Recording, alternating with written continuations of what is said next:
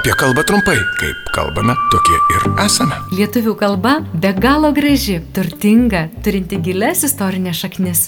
Turbūt visi sutiksime, kad verta, o gal net ir būtina ją saugoti ir puoselėti. Tačiau gyvenimas toks jau yra, kad kartais pamirštame, kartais kažko nežinome, tad prisiminti mūsų ypatingą kalbą padės trumpas laidelis apie kalbą trumpai. Kiekvieną dieną FM99 eteryje ir internete fm99.lt. O jeigu jums kyla klausimų, kaip žodžius kirčiuoti, rašyti, kaip vartoti, Rašykite ir klauskite FM99 eta FM99.lt. Prie projektų finansavimo prisideda Spaudos radio ir televizijos rėmimo fondas. Labadiena, brangus FM99 klausytojai, studijoje prie mikrofono Eglė Malinauskenė. Vasara metas, kuomet daug keliaujame, o ir nebūtinai vasarą kelionių galime sulaukti, jas susiplanuoti ir kai nuvykstame į kitą šalį, į svečią šalį, kartais galbūt ir sudvėjojame. O kaip vadinti to šalies gyventojus? Kaip vadinti, pavyzdžiui, jų virtuvę? Į šios klausimus atsakyti mums padės lietuvių kalbos mokytoja metodininkė Rita Lišauskinė. Labadiena. Labadiena. Rita, ar jums pačiai tenka daug keliauti? Ar teko daug keliauti? Teko daug keliauti. Iš tikrųjų, pati tolimiausia kelionė tai buvo Australija, teko būti ir Brazilijoje, na ir Europos šalys. Nemažai. Jūs kaip e, lietuvių kalbos mokytoja, kaip žmogus, kuris išmano lietuvių kalbą, turbūt su tomis problemomis nesusidūrėte, kaip pavadinti to šalies gyventojus. Ar visgi ir pačiai irgi teko sudvėjoti, o kaip reikėtų vis dėlto taisyklingai pavadinti? Aš norėčiau pasakyti, kad e, mokytojai, kaip ir visi žmonės, gali klysti. Ir jeigu mes buvom išmokę vienaip ir taisyklės buvo pateikiamos e, vienaip, mes tiesiog gyvenom ir žinojom, kad tik taip, o ne kitaip. O dabar jau tikrai kalbininkai ir kalbos komisijos nutarimai leidžia prisiderina prie vartotojų.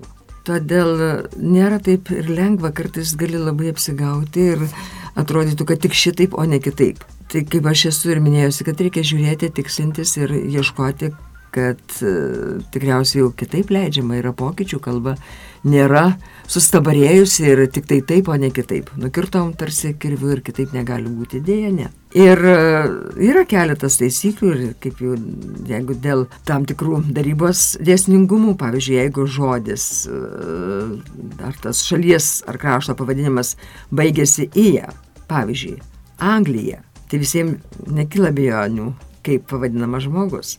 Anglas, Serbija, serbas. Latvija, Latvis. Latvis. Taip. Mhm, taip. Yra ir išimčių. Ir leidžiama dviejopai.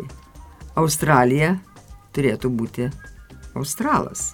Ir nesakyti australietis, bet yra išimtis ir leidžiama vartoti dviejopai australietis. Patys australai arba australiečiai dažniau pasako australiečiai, lietuvių bendruomenės nariai. Pavyzdžiui, galima ir yra šimčių ir brazilas ir nebūtų klaidos ir brazilietis, nors brazilietis tai nelabai jau teko girdėti, bet yra išimtys.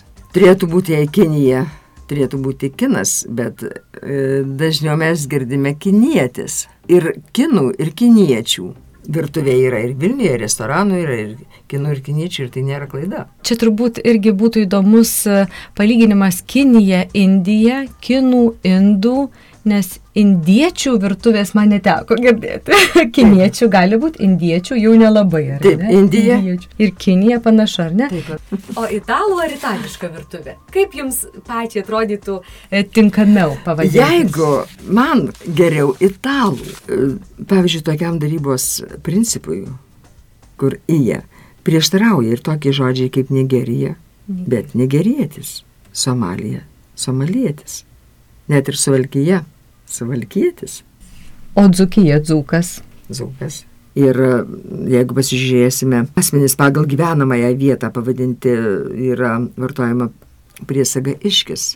Pavyzdžiui, kaunietis, kauniškis, vilnietis, vilniškis, šiaulietis, šiauliškis, betalytiškis, vareniškis, plungiškis.